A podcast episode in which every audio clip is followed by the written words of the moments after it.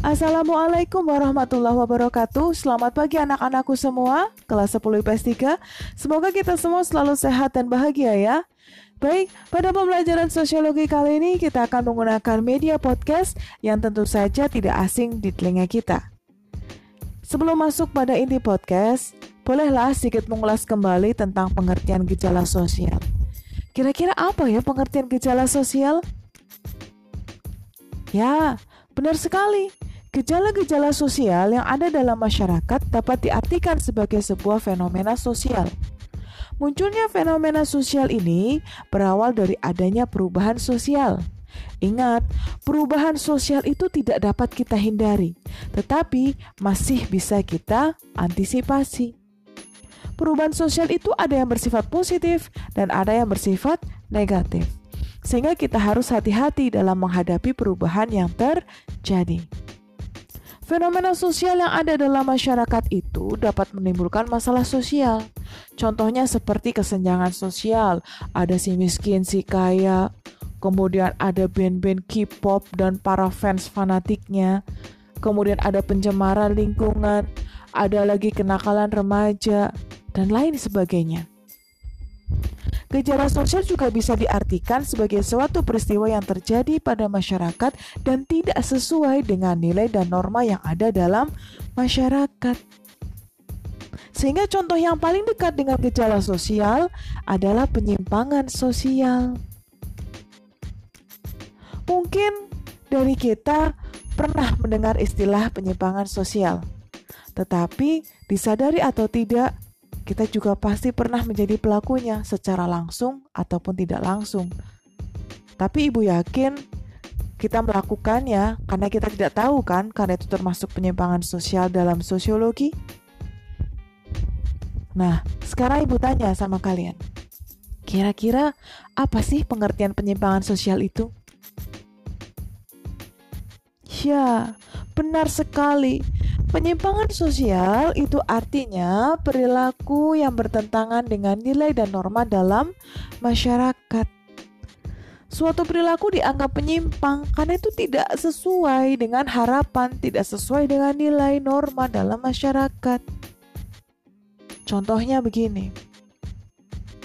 Ada seorang anak yang kepepet banget nih dia itu sebenarnya pinter tapi ulangan dadakan misalkan katakanlah fisika yang gurunya killer materinya susah banget. Nah kemudian dia terpaksa nyontek sama temennya kenapa dia nggak belajar. Kenapa dia nggak belajar? Ternyata ibunya sakit dia merawat ibunya.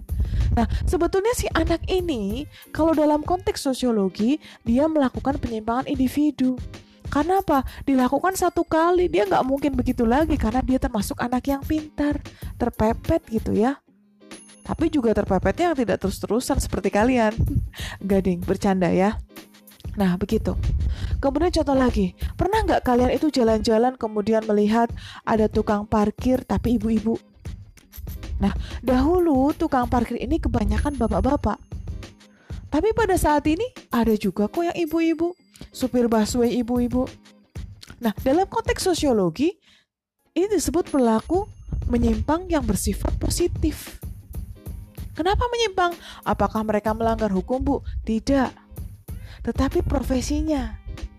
Jadi begini, profesi tukang parkir, profesi supir busway, lazimnya adalah laki-laki. Tetapi kita kita jumpai adalah perempuan, maka termasuk penyimpangan positif.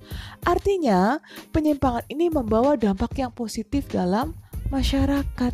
Mungkin saja si ibu menjadi tulang punggung keluarga karena suaminya sakit dan lain sebagainya. Itulah penyimpangan sosial positif. Nah, misalkan lagi di sebuah pusat perbelanjaan ternyata ada kejahatan terorganisir nih, para pencopet dia memanfaatkan situasi.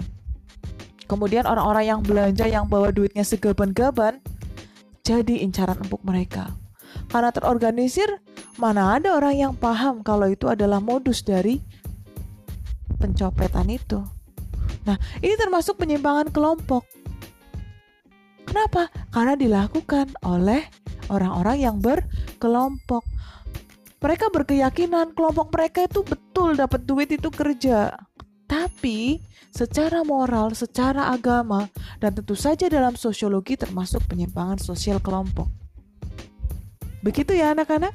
Nah, berdasarkan penjelasan ibu di atas, silahkan kalian membentuk lima kelompok, kemudian diskusikan dengan kelompok kalian tentang penyimpangan individu, penyimpangan kelompok, penyimpangan positif, penyimpangan negatif, penyimpangan karena suku budaya menyimpang, dan pengendalian sosial. Nah, silahkan setelah penjelasan ini, kalian cari contoh satu saja dalam masyarakat kalian, dalam lingkungan kalian yang memang benar-benar ada, yang nyata adanya. Kemudian, minggu depan kita presentasikan dan kita tanggapi bersama pada episode-episode berikutnya. Begitu ya? Bisa dipahami ya semuanya? Baik, terima kasih atas perhatiannya. Tetap semangat, tetap sehat, dan sampai jumpa di podcast-podcast sosiologi berikutnya. Wassalamualaikum warahmatullahi wabarakatuh.